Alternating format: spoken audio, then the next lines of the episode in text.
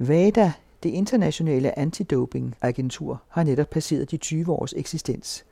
Senest kom det i fokus, da man idømte Rusland fire års udelukkelse fra internationale sportsbegivenheder med mere. I den anledning tager den anden sport en snak med Morten Mølholm, direktør i Danmarks Idrætsforbund, om WADA og den internationale dopingbekæmpelse. Er WADA en kæmpe succes, eller er organisationen blot en brik i et større idrætspolitisk magtspil? I ringhjørnet behandler den anden sport venstrepolitikeren Christian Jensens ambitioner om at blive formand for DIF, Danske Spil, og Bjarne Ries genindtræden i toppen af international cykelsport. Søren Riskær og Lars Andersson er i studiet.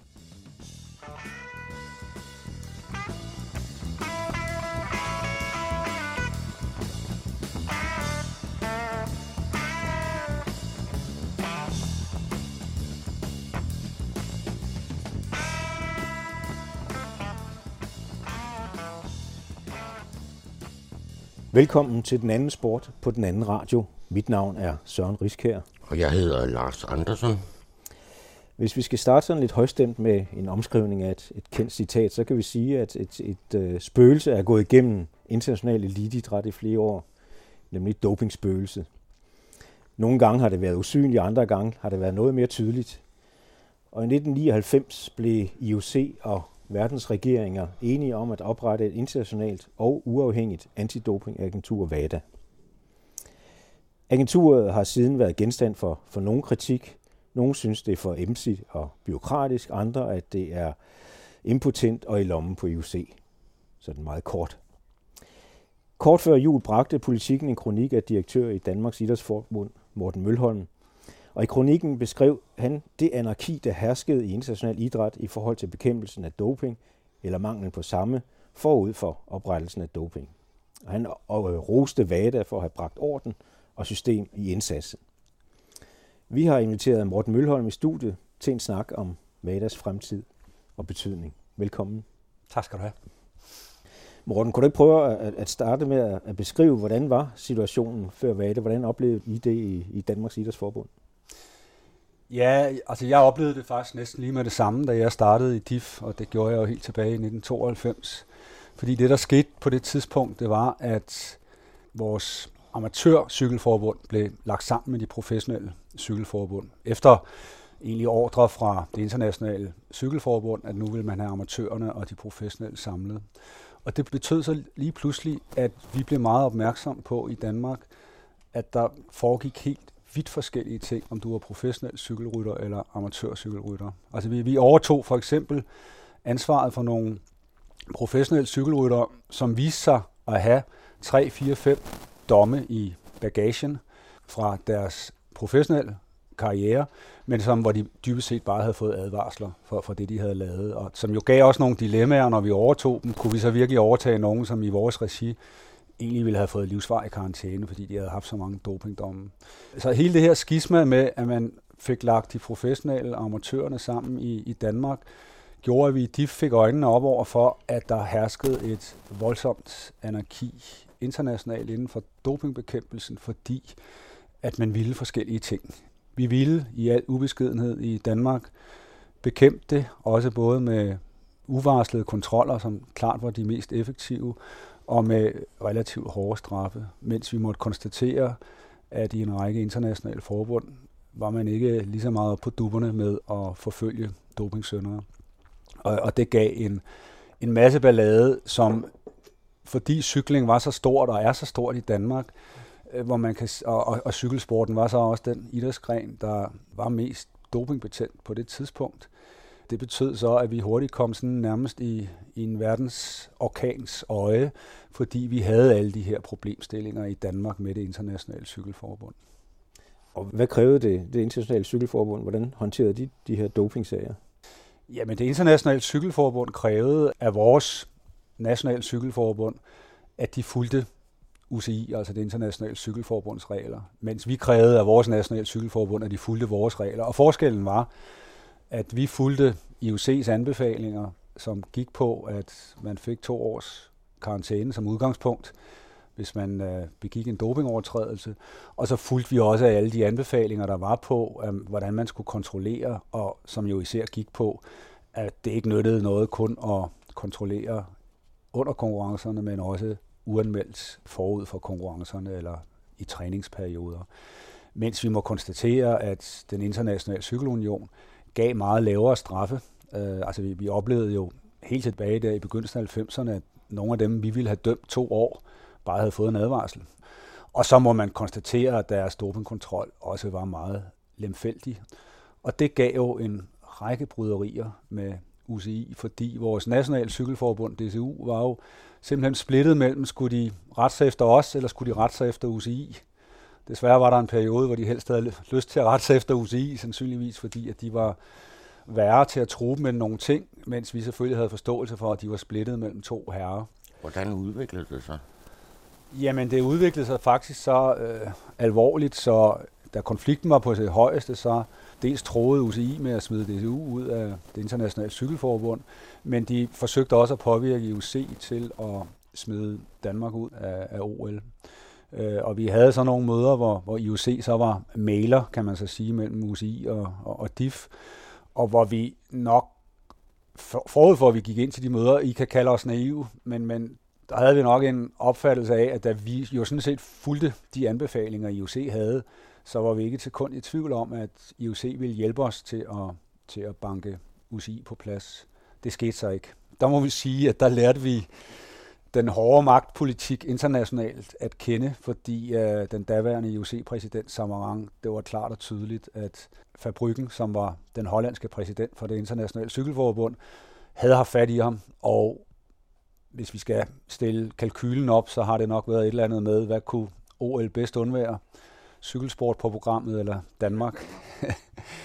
øh, der tror jeg, man valgte cykelsport det kom aldrig så langt som til, at vi blev udelukket. Vi fandt nogle midlertidige kompromiser, men det viste nok noget om for alvor, at, at vi virkelig havde et behov for at kæmpe for, at der kom nogle ens regelsæt, fordi det var, det var slet ikke til at bære for os, at vores idrætsfolk blev behandlet forskelligt, og måske også hvad værre var, at det gik op for os, at en række af de internationale forbund og med UCI i spidsen ikke tro dopingbekæmpelsen særlig alvorligt. Og der skal man jo tænke på, at vi havde rigtig mange professionelle cykelryttere på det tidspunkt, og også som begik sig rigtig godt, og vi var dybt bekymrede for, hvad det var, de var rodet ud i, og man kan så sige...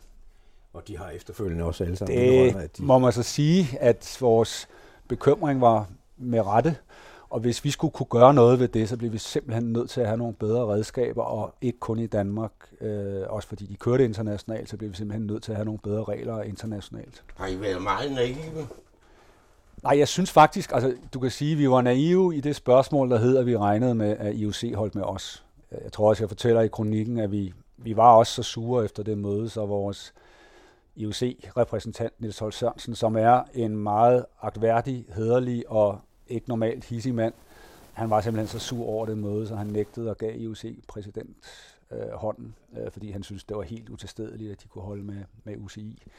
Så det kan du sige på det spørgsmål, hvor vi måske naive, men jeg synes ikke, vi var naive i vores tilgang til dopingbekæmpelsen. Der synes jeg tværtom, at vi, vi havde mistankerne, og vi forsøgte at gøre, hvad vi kunne, plus at vi på et tidligt tidspunkt kæmpede for ens regelsæt. Altså for nok var et af de lande, der var der var mest fremme i skoene på at få et fælles regelsæt, og det galt både idrætsdelen i Danmark, men også regeringsdelen. Det havde vi jo et glimrende samarbejde omkring.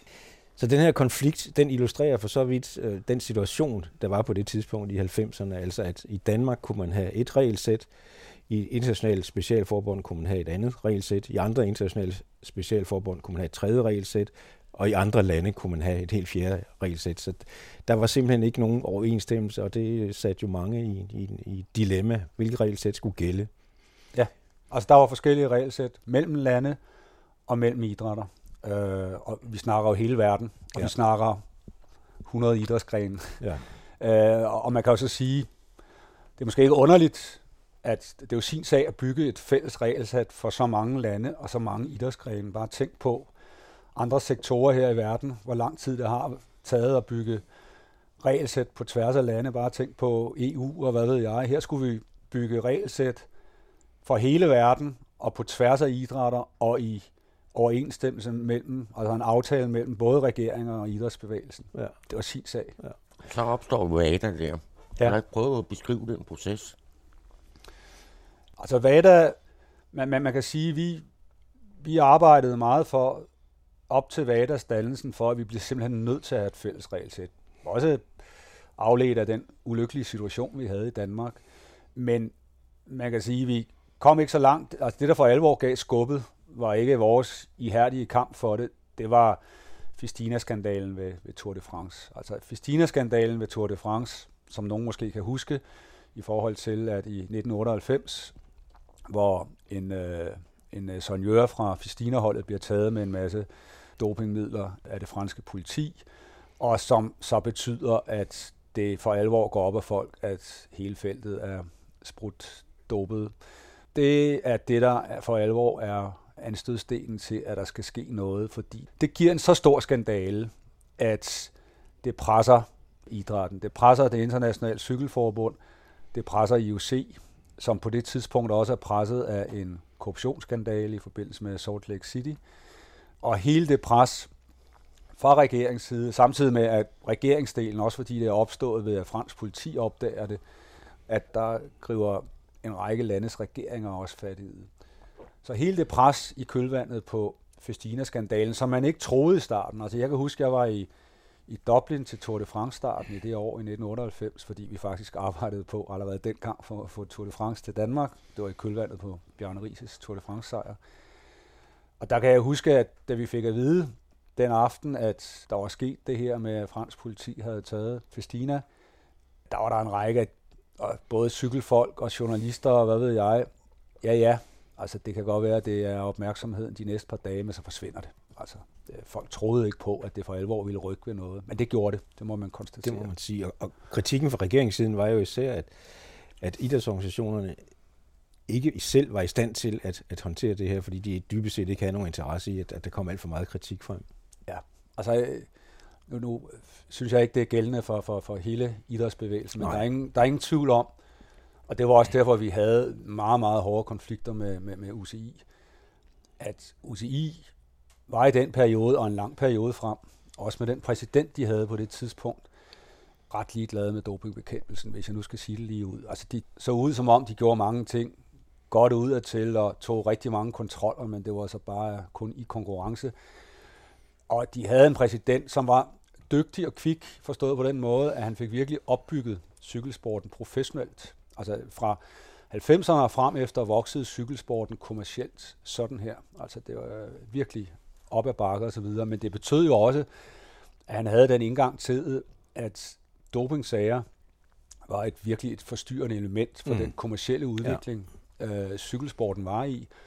Og derfor tog de det ikke alvorligt, og de skubbede det til side. Det er helt klart min påstand være, vendte det blinde øje til. Og når vi havde diskussioner med dem om, hvor hårdt der skulle slås ned på det, så var indgangen meget, at jamen, professionelle cykelrytter, det er deres levebrød, vi kan ikke tillade os at slå for hårdt ned på. Ikke? Hvor vi havde lidt den modsatte, kære venner, hvis det er professionelle cykelrytter, så skal de jo, har de jo et endnu, endnu større ansvar måske end amatørcykelrytterne. Og der var jo lidt samme holdning, der trives også i IOC, i hvert fald dele af IOC under Samaranch. Ja, altså, øh, jeg skal ikke lægge skue på, at jeg aldrig har været en stor tilhænger af Samaranch som præsident. Det er ikke det samme som, at jeg synes, at det gennemsyrede hele IOC, men det er jo klart, at når det kommer til sådan nogle konflikter, som vi var ude i med UCI, så ryger det jo helt op på, på præsidentniveau. Jeg, jeg synes på mange lederkanter gjorde IOC i en lang periode, også op til 90'erne, noget af arbejdet for at prøve at skabe en fælles dopingbekæmpelse, fordi det var også det organ, der kunne gøre det på tværs af idrætten.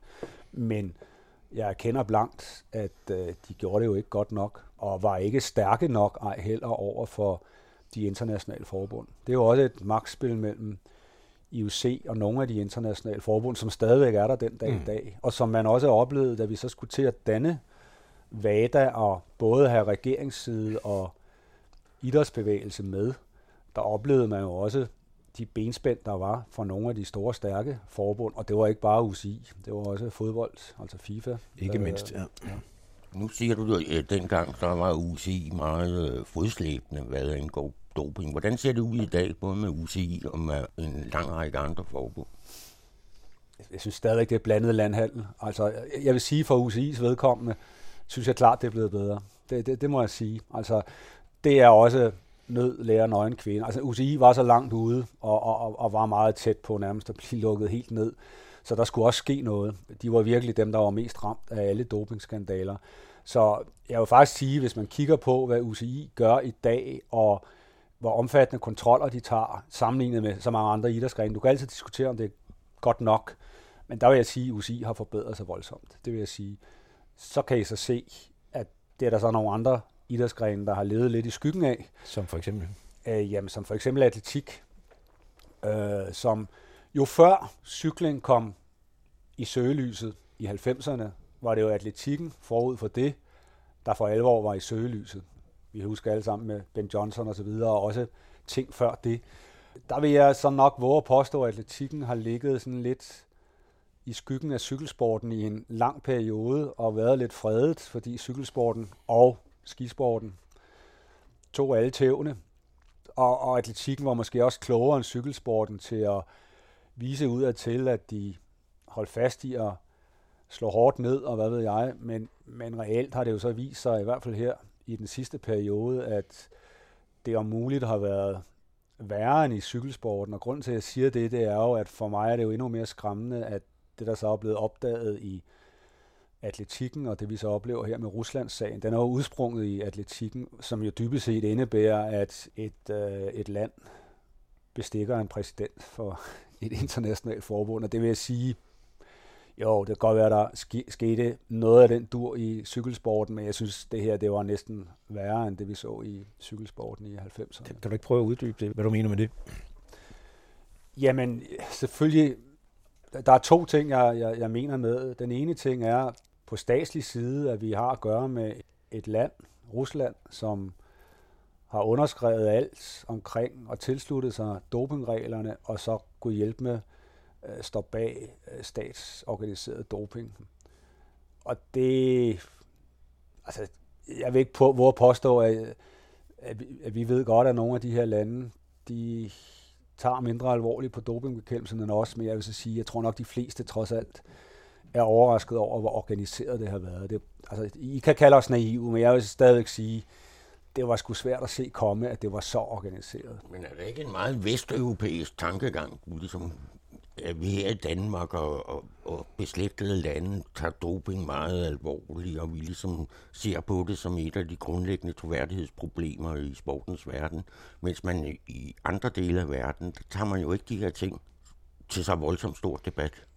Der nej, nej, handler nej, det om er, at vinde medaljer, ikke? Ja, der er forskel på lande, og det er der i øvrigt også i Europa, skal jeg så helt at sige. Altså, vi skal ikke langt ned sydpå, hvor, hvor det gennem årene og også nogle af de kampe, vi har haft med cykelsporten. Altså, jeg skal hilse at sige, at jeg er i Spanien, godt nok fodslæbende på områder.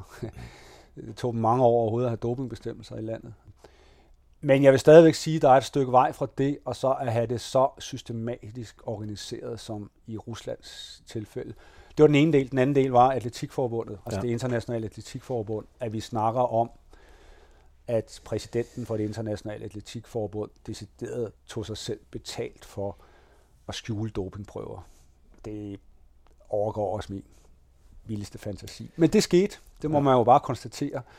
Og det er jo så også det, der gør, at vi er inde i den her meget, meget store dopingkrise øh, i forhold til øh, Rusland i de her år, som jo er kommet efterfølgende, øh, efter vi har fået, fået dannet VADA, men som så er kommet alligevel. Ja, fordi det, det er jo egentlig det, der er det overraskende. Altså VADA formåede jo trods alt at skabe orden i tingene, og der skabe fælles regler, og man synes, nu gik det fremad. Men så står vi pludselig over for den her kæmpe krise, som vel ingen havde forudset, som du også selv antyder, øh, og som har nogle helt ekstreme dimensioner. Så har VADA spillet for lidt? Altså, jeg synes ikke, Vada har spillet for lidt, og jeg, jeg synes nogle gange, man undervurderer, hvor stort et kæmpe arbejde det har været at skulle opbygge fælles regelsæt, fælles politik osv. over hele verden på tværs af alle idrætsgrene. Det, det, jeg er ikke helt sikker på, at folk helt forstår. Og på tværs hvor, hvor, af 200 regeringer. På tværs af 200 regeringer, Og regeringen skal så også nå til enighed med idrætten. Og jeg skal så hilse at sige, at det kan godt være, at der er meget kritik af idrætten, men regeringerne har jo været endnu mere fodslæbende på det her område, skal jeg så hilse at sige. Altså udover, at det er en stat, der har forbrudt sig her, øh, altså Rusland, så har vi rigtig mange regeringer, der har været meget fodslæbende med at tilslutte sig de her ting, og i det hele taget bare give nogle penge til det. Mm.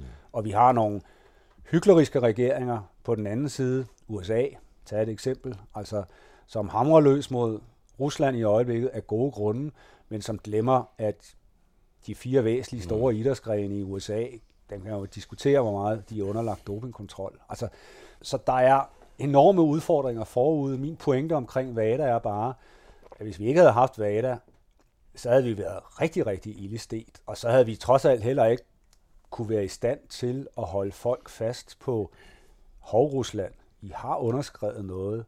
Hov IOC, hov andre lande. Vi bliver nødt til at sanktionere det her. Vi bliver også nødt til at finde nogle regler, der kan sanktionere nationer eller kollektive enheder, som, som jo også var nogle huller i reglerne. Du kalder Vader en kæmpe succes. Nej, det er faktisk politikken, der kalder det i sin overskrift. Det, der har de måske været lidt kække, fordi jeg, øh, jeg tror ikke, jeg vil bruge ordet kæmpe succes, men jeg står ved, at jeg synes, man undervurderer, hvor stor en indsats det er at skabe de her fælles regler, og jeg ser intet alternativ til VADA. Og, og, og jeg er irriteret over, at folk ikke er bedre i stand til at sige, nu bliver vi nødt til alle sammen at stå sammen, last og bræst om VADA, for at komme videre i det her. Det er simpelthen både på den ene og den anden fløj øh, omkring VADA. Så på den måde synes jeg, at det har været, jeg kan heller ikke, altså hvis, hvis du sammenligner med andre samfundssektorer, så, så du kan diskutere det her med, det er en kæmpe krise, det her med Rusland, men man forsøger trods alt at skride ind over for det. Altså, jeg, jeg kunne finde mange andre eksempler i den her verden, uden for sportens verden, hvor Rusland gør, hvor det passer sig, og hvor det internationale samfund ikke gør noget som helst, eller ikke har nogen redskaber til at gøre det. Her har du faktisk idræt og regeringer, der går sammen, og så kan I diskutere sanktionernes størrelse og hvad ved jeg, men de går faktisk sammen og sanktionerer dem. Det sker meget sjældent på andre områder med så stor en nation. Altså, det tager jeg jo hatten af overfor. Men det, jeg, jeg kæmper så også for, at man gør det. Det skal så vise sig, hvordan de sanktioner rent faktisk øh, øh, udmyndtes. Det er jo det, der står tilbage nu, ikke? Altså, jo, jo, men de har jo så været der, været der en gang, og nu, nu, nu kommer de igen. Og min pointe er egentlig bare, altså, da de for eksempel blev sanktioneret ved vinter-OL, det sidste vinter-OL, og der kan man altid diskutere, hvor hård er sanktionen osv. Jeg skal hilse at sige, sanktionen med, at russerne ikke må gå ind under eget flag, det er en, der rammer russerne. Det ved jeg personligt for de diskussioner, vi har haft øh, internationalt. Men, men dybest set, ud over OL, så er det jo specialforbundene, der skal udmønte den her straf. Kan du se FIFA gribe ind? Øh, jeg kan se, altså, jeg, jeg kan sagtens se udfordringerne, men nu, nu må vi så se, hvad den endelige sanktion bliver i, i KAS. Den er jo anket, den sanktion, hvad det har givet. Men hvis der kommer en sanktion, der også omfatter verdensomspændende begivenheder, så er fodbolden også omfattet af, af, af de sanktioner. Det er de jo. Men får vi samme diskussion i IOC den her gang, om de vil udelukke Rusland som nation, eller man skal kunne lave dispensationer for, for enkelte udøvere? Jeg tror, det man får, og det IOC har bedt om i forbindelse med, nu, nu kører der jo en ankesag i KAS. Altså hvad der har, har lavet en sanktion over for Rusland, som jo dybest set går ud på, at, at russerne ikke kan deltage som egen nation ved OL og andre verdensomspændende begivenheder, og heller ikke få værtskaber ved verdensomspændende begivenheder. Men de har mulighed for at deltage med individuelle atleter. Det er den sanktion, VADA har givet. Den er så anket af russerne og ved det internationale domstol CAS, og så skal CAS finde ud af, om de trækker i land på VADAS, eller om de, de, de, de stadfæster den. I forbindelse med den proces kan man intervenere. Og i den forbindelse har IOC gået ind i sagen og sagt, vi går ikke ind og anfægter VADAs beslutning om at straffe Rusland, men det vi ønsker, at KAS tager præcis stilling til, det er, hvad er sanktionen omfatter. Hvem skal gøre hvad, hvad er sanktionen omfatter, så vi ikke ryger ud i det kaos, der var i forbindelse med sidste OL i Rio. Og det vil jeg håbe, KAS gør. Fordi så overlader man det til domstolen at sige, det er sådan her, det skal foregå, i stedet for, at man giver et enormt råderum til politikere og til en række forskellige organisationer og siger, nu må I finde ud af, hvem kan deltage i vægtløftning. Og mm. så får du vidt forskellige clearinger af det, fordi magtforholdene også er forskellige i de forskellige idrætsgrene. Der er mm. nogen, der vil være enormt stramme, som atletik af gode grunde. Der er russerne stadigvæk fuldstændig udelukket, så der vil ikke komme nogen atletik ud over med. Men så er der andre, hvor Rusland sidder på flæsket, eller Østeuropa dominerer her, eller hvad ved jeg. Så det forstår jeg godt, at IOC ønsker at få en meget klar dom, der siger, sådan skal det foregå. Og, og der tror jeg så på, at hvis de får den fra KAS, så følger de den. Jeg tror sådan set også, de er tvunget til, fordi det er sådan set regelsættet omkring det. Så, så det, det vil jeg tro, de respekterer. Okay. Og det synes jeg egentlig er meget fornuftigt. Det, det vil også være lykkeligt for vores vedkommende, så vi slipper for den situation, som alle jo frygter nu var op til OL i Rio. Nu, nu kom hele skandalen også lige månederne op mm. til OL i Rio, så der var meget lidt tid at finde ud af, hvad, hvad der skulle være op og ned. Her er der bedre tid, men nu ved vi jo ikke, hvor lang tid den her ankesag foregår. Så frygten er jo, at afgørelsen først kommer meget sent, og så er vi ude i Rio-tilstand igen. Jeg vil godt lige vende tilbage til det her med kæmpe succesen, selvom det ikke er dig, der har sagt det. Elitesport, det er en milliardpartner. Vader har et budget på 40 millioner dollars, meget bekendt. Er det virkelig nok til at sætte ind her? Ah, det er latterligt lidt. Det tror jeg også, at det jeg skriver i kronikken. At det er jo en af udfordringerne. En ting er viljen og hvor meget regeringer og idræt og så videre bakker op, men, men den kan jo ofte aflæses på, hvor mange penge man lægger. Der må man bare sige, at der har regeringerne nok været mest fodslæbende. Fordi jeg vil skyde på, hvis regeringen gik ind og sagde, at de lagde mange flere penge, så lagde IOC hurtigt det samme beløb. Øh, så kan I så diskutere rimeligheden i, hvem skal bidrage hvad og så videre, men jeg synes, det er latterligt lidt, der bliver lagt til, til VADA. Jeg synes, de skal have et, et, et meget større budget. Det, det ja, jeg synes så også, hvis vi nu er inde på VADAs fremtid, jeg synes så også, hvis jeg skal pille ved nogle ting omkring VADA, så vil jeg så sige, jeg tror nok personligt, at jeg har den opfattelse, at jeg godt kunne tænke mig, at VADA fokuserede noget mere på det rigtig alvorlige. Altså, dopinglisten består af super mange ting. Og der ved jeg bare, at man kommer meget langt med dopingbekæmpelse, hvis man har noget fokus på det, der virkelig, altså virkelig er snyderi og sundhedsskadeligt, og hvad ved jeg, i allerhøjeste potens, som vi har oplevet med, med EBO og anabole steroider mm. osv. Mens der jo er, stadigvæk er en række af de her gråzonesager og småsager og hvad ved jeg, som der måske bliver brugt rigtig mange kræfter på, fordi folk har svært ved at sige til sig selv, ah, det er måske doping, det er måske ikke doping. jo, det er på listen, men er det præstationsfremmende i mm. tilstrækkelig grad? Og der tror jeg måske nok, jeg kunne tænke mig noget mere fokusprioritet, der gør, at man vil tage nogle, nogle ryg på de virkelig potente stoffer. Men nu er vi spørgsmål om, hvordan dopingbekæmpelsen internationalt skal være fremover. Så er der også en diskussion omkring sammensætning af de besluttende organer i, i VADA. Altså er den tilstrækkeligt uafhængig af, af sådan et af de, de helt centrale spørgsmål? Fordi det var jo det grundlæggende spørgsmål, da VADA blev oprettet, at det skulle være uafhængigt, og det skulle være transparent. Og man kan sige med, når halvdelen af, af, de, af pladserne i, i bestyrelsen besættes af IOC, og før omtalt, at Hein Bryggen var med i de første mange år i eksekutivkomiteen, så kan der vel rejses et berettiget spørgsmål ved, ved uafhængighed. Ja, og på samme måde med halvdelen af pladserne består af regeringen. Altså, hvis Ruslands regering sidder med i, i VADA, øh, bestyrelsen, så er der heller ikke særlig meget uafhængighed der. Altså sådan er det jo med, med, med alle ting. Jeg tror ikke, man kommer udenom, hvis man er enige om idrætten og regeringerne imellem, at danne noget, så har man et fælles ejerskab for det. Øh, det, jeg tror, der er vigtigt, det er, at man prøver at adskille politik og strafudmålinger og afgørelser på det. Altså, så man ikke, så man ikke begynder at gøre sig klog på i VADAs, altså prøver at adskille, at det ikke er VADAs bestyrelses opgave at udmåle straffen i en konkret sag, men overlader det til nogen, de har nedsat af nogle fageksperter. Ligesom vi gør i Danmark med vores system. Altså sådan nogle sager vil aldrig komme op i DIFs bestyrelse. Altså en adskillelse af den ja, dømmende myndighed. Af den dømmende og den, den øh, lovgivende, kan man sige, ja, ja. Og, og udøvende myndighed. Mm. Men det er ikke det samme, som jeg synes, at VADA ikke stadigvæk skal være ejet i fællesskab af regeringer og idræt. Altså, det, det er vigtigt, fordi det er stadigvæk vigtigt, at både regeringen og idrætten har en ejerskab for den her problemstilling, og derfor skal begge selvfølgelig eje VADA.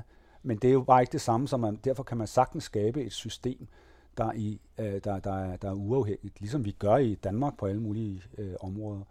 Det synes jeg ikke er raketvidenskab. Hvad siger IOC til det, for eksempel? Jamen, jeg ved ikke, hvad hverken øh, regeringen eller IOC siger til det. Altså, jeg, jeg, de har jo en række diskussioner omkring, hvordan de skaber bedre governance på området. Og jeg kan have min tvivl om, at det er der, de når i land først. Men min holdning til det er i hvert fald, at du sagtens kan skabe et system, der beholder ejerskabet, og, og også at det er naturligt for, for idrætten og regeringerne at blive enige om nogle, noget fælles lovgivning på området, eller regler på området, men at dem, der så sidder og udmåler domme, de skal selvfølgelig være, være uafhængige. Det er jo nogle helt almene retsprincipper i et demokratisk samfund. Mm. Det bliver spændende at se. Mm. Til sidst kunne vi måske lige få en vurdering af, vil Rusland være med til VM i fodbold i Katar? ja. Det, øh, vi kan håbe på, at de ikke kvalificerer sig.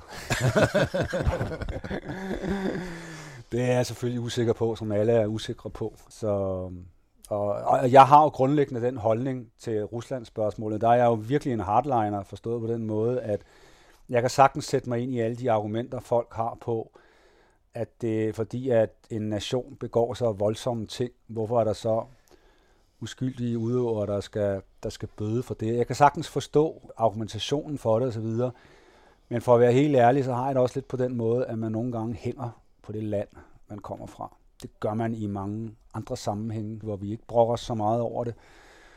Og der tror jeg bare, at det er sundt, at man også bliver nødt til at have de her kollektive straffe, øh, fordi ellers kommer vi ikke videre, og det betyder også internt i de her lande, at der opstår måske også trods alt et lidt indre pres på landene omkring, at hvis udøvere, der har kæmpet hele deres liv for at komme med til et OL eller et VM i fodbold, bliver udelukket, fordi at der er et land, der ikke tager det her alvorligt, så kunne det jo godt være, at der også opstod noget brøde der. Så det er jeg en tilhænger af, men jeg har respekt for synspunktet, der hedder, at man også skal tage hensyn til de enkelte individer. Men, men, men jeg, jeg, jeg synes, der er mange andre forhold her i, i livet, hvor man hænger lidt på det land, man er født i, skal repræsentere, så må man også finde sig i, at hvis det land så forbryder sig, så går det også ud over en selv. Og med det siger vi tak til Morten Mølholm. Vi vil helt sikkert følge op på den videre udvikling her i de her sager. Og nu går Lars og jeg i ringhjørnet.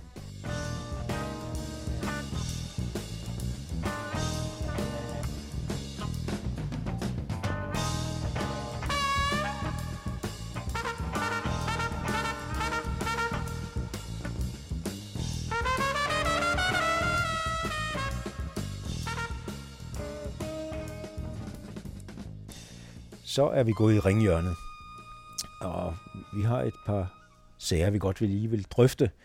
Den store er vel en mand ved navn Christian Jensen. Ja, tidligere skatteminister, tidligere udenrigsminister, tidligere finansminister, tidligere næstformand i Venstre, har nu øh, bekendtgjort, at han kunne være interesseret i at træde ind i øh, styrelsen i Danmarks Idrætsforbund. I første omgang var det lidt uklart, om han ønskede at være formand eller ej, men det står i hvert fald nu fast, at han har udtrykt ønske om at øh, stille op til bestyrelsesvalget til DIFs årsmøde her til maj. Og formandsposten bliver ledig næste år, ved vi, fordi øh, der falder den nuværende formand Niels Nygaard for aldersgrænsen. Og hvad gør, at en mand som Christian Jensen lige pludselig vil være idrætspolitiker i stedet for rigtig politiker? Ja, altså der er vel ingen tvivl om, at den øh, Christian Jensens politiske fremtid, den ligger bag og han har selv en baggrund i øh, foreningsidrætten, tydeligvis. Han har været med til DGI's landstævner, så kunne man måske sige, så var det mere naturligt, at han ønskede at træde ind i DGI. Men altså, han har set her, at der er en, en, en, øh, en post, der bliver ledig. Og det er en, en uh, interessant post på mange måder, fordi det er et politisk centralt institution, hvor idrætspolitikken betyder temmelig meget internt i, i, uh, i organisationen. Så derfor bliver det spændende at se, hvordan han, det bliver modtaget der er jo i, i forvejen to næstformænd, som helt sikkert også vil melde deres kandidatur til formandsposten. Øh, og om Christian Jensen så kan få noget gennemslag i, i forhold til de to, det, det er meget svært at forudsige. Men der må jo være nogen, der har opfordret ham, skulle man mene. Det er vel ikke en idé, han har fået inde i sit eget hoved? Nej, det tror jeg heller ikke. Jeg tror, der er helt sikkert er nogen, der har opfordret ham. Om det så er internt i DIFs administration, og her tænker jeg især på deres public affairs afdeling, som er meget aktiv i det politiske spil, eller det er nogle af specialforbundene. Det ved vi selvfølgelig ikke. Det undrer mig lidt. Nu har jeg kigget lidt på Christian Jensen jo. Han har været folketingsmedlem siden 1998, det vil sige godt 20 år. Han har haft masser af ministerposter og næstformand. Han har haft en kæmpe medieplatform. Han kunne stort set ringe øh, til en avis og bestille et interview. Ja. Og alligevel i de 20 år, så har jeg googlet ham omkring idrætspolitik og en hel masse andre punkter. Og det er forbavsende lidt, den mand har sagt om idræt i det offentlige rum. Men det er også fordi, at idrætspolitikken fylder så meget, meget lidt i, i, i, i Folketinget. Idrætspolitiske ordfører som regel dem, der bliver tildelt aller, aller sidst. Men jeg tror, så det er derfor, at det har slet ikke været inde på, på, på hans nethinde at skulle udtale sig om idrætspolitik. Men er det ikke lidt af en forlidt erklæring, at øh, der er nogle specialforbund, der i hvert fald går efter en eller anden kendiseffekt i stedet for substans? Jamen, og det rejser spørgsmålet om, vil han være god som formand, og det er der også i flere øh, medier, der har været fremme om, at, at øh, det giver ikke mening, at en, en tidligere politiker kommer ind, at det skulle ligesom gro ned fra specialforbundene. Den vurdering er jeg ikke enig, enig i. Øhm, jeg tror, at Christian Jensen vil være en glimrende formand for, for Danmarks Idrætsforbund. Altså, det vil jo svare til, at en sundhedsminister skal han være læge, eller øh, altså, jeg mener, øh, en, en politiker som Christian Jensen kan om nogen det politiske håndværk. Han kender hele det der spil. Han er i stand til at, at, at se strategisk på udviklingen. Han vil også være i stand til at manøvrere internt i, i Danmarks Idrætsforbund i, i det magtpolitiske spil, der er mellem de uh, forskellige specialforbund. Og ikke mindst vil han være i stand til at iværksætte den her nødvendige lobbyvirksomhed, der hele tiden skal være i forhold til, til folketingspolitikere og, og ministerier. Nu er der jo så en hel række, der har en helt anden holdning, end Ja. du har, Søren. Ja. Jeg vil lige tage en af dem op. Det er Rasmus Bæk. Han er tidligere sportsredaktør på Politiken, og nu er han sådan en senior medarbejder af en slags. Han har lavet en klumme, der hedder Hvad skal idrætten med en falderet politiker? Ja. Her skriver han blandt andet, men hvad gør egentlig den falderede politiker egnet som DIF-formand? At han er tidligere gymnast, har været formand for gymnastikudvalget i bowling i to år, at han holder med Liverpool og FC Midtjylland, og han kan lide og løbe en tur. Det er ikke nok at være en glad koldbøtte entusiast. Man skal også fagne ambitionen om både at skabe et livslangt idrætsliv og tilrettelægge en langsigtet elitestrategi, samt at kunne styre de altid herskende magtkampe mellem forbundene. Jeg synes, det er en erklæring for dansk idræt, hvis man falder for kendiseffekten og rækker ud efter en mand, der blot øjner en flugtvej ud af et brutalt politisk miljø, hvor han ikke længere har nogen fremtid. Ja, og jeg er ikke enig i den vurdering. Altså, jeg mener sagtens, at, at øh, en politiker som Christian Jensen, jeg mener ikke, han er falderet nødvendigvis.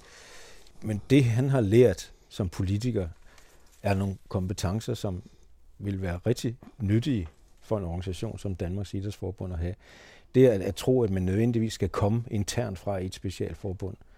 Det abonnerer jeg ikke på, det, det synspunkt. Jeg tror faktisk sagtens, han kan manøvrere mellem specialforbundene, og han kan manøvrere i forhold til de andre idrætsorganisationer, og han kan manøvrere i forhold til hele det politiske system. Så lader vi den lige ligge der. Ja, vi kommer sikkert til at vende Ja. tilbage til den. Så vil jeg altså nævne en anden ting, der også har været på avisernes sider her i de senere uger. Det er danske spil. Ja. Og det er jo som bekendt, som de siger i reklamen, dig og mig. Og også dig, Søren. Ja. Og de viser sig, ifølge Dagbladet Børsen, at øh, de har premiere store spillere med et VIP-program, hvor de blandt andet får gratis rejser til Las Vegas, til Formel 1 i Dubai, fodboldrejser og besøg på gourmet-restauranter. Og det rejser jo spørgsmålet, skal en statslig virksomhed som Danske Spil i virkeligheden understøtte ludomani?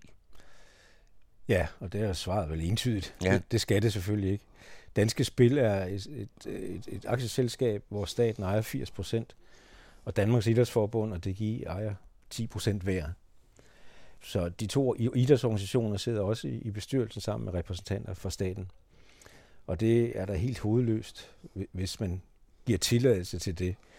Det er klart, at, at danske spil opererer på et fuldstændig kommersielt marked. Og, det og vil... alle de andre gør også det her, ja. kan man lige nævne. Så det, det er sikkert, ikke kun danske nej, spil. og det er sikkert også det, de vil argumentere med, ja. at for at kunne begå sig på det frie marked, så bliver de nødt til at iværksætte sådan nogle initiativer.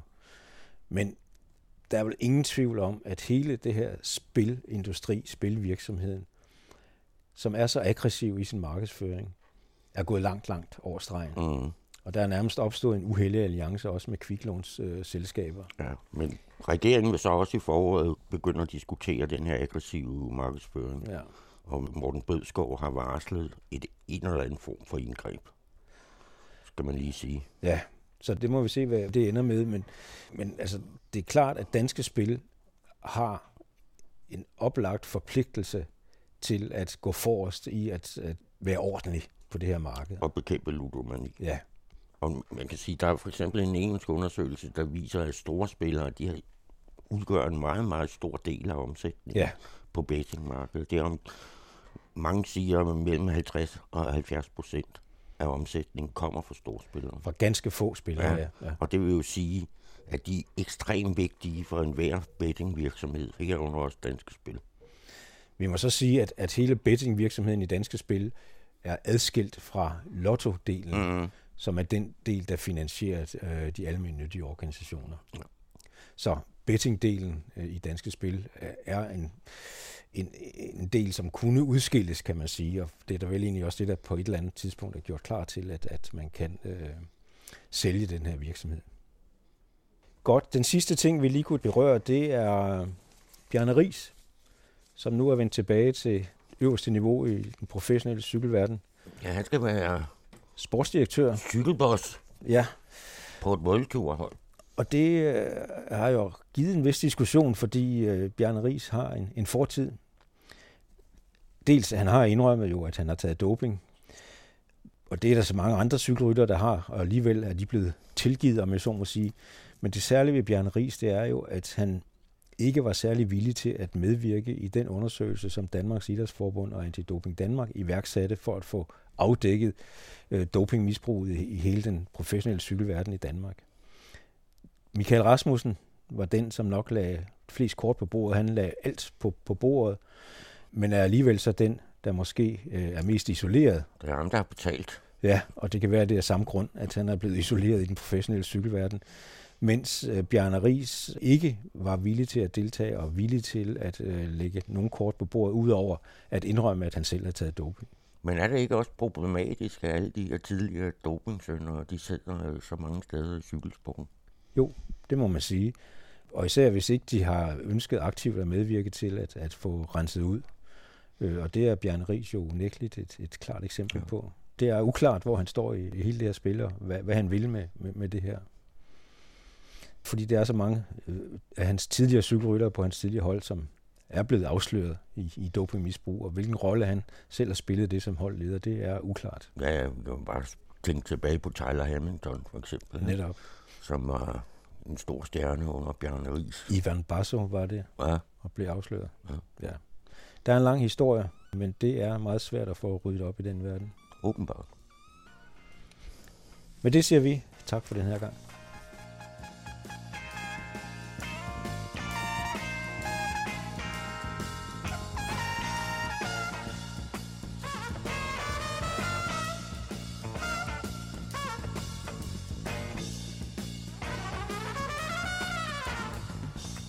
Det var Søren Riske og Lars Andersson, der var i studiet.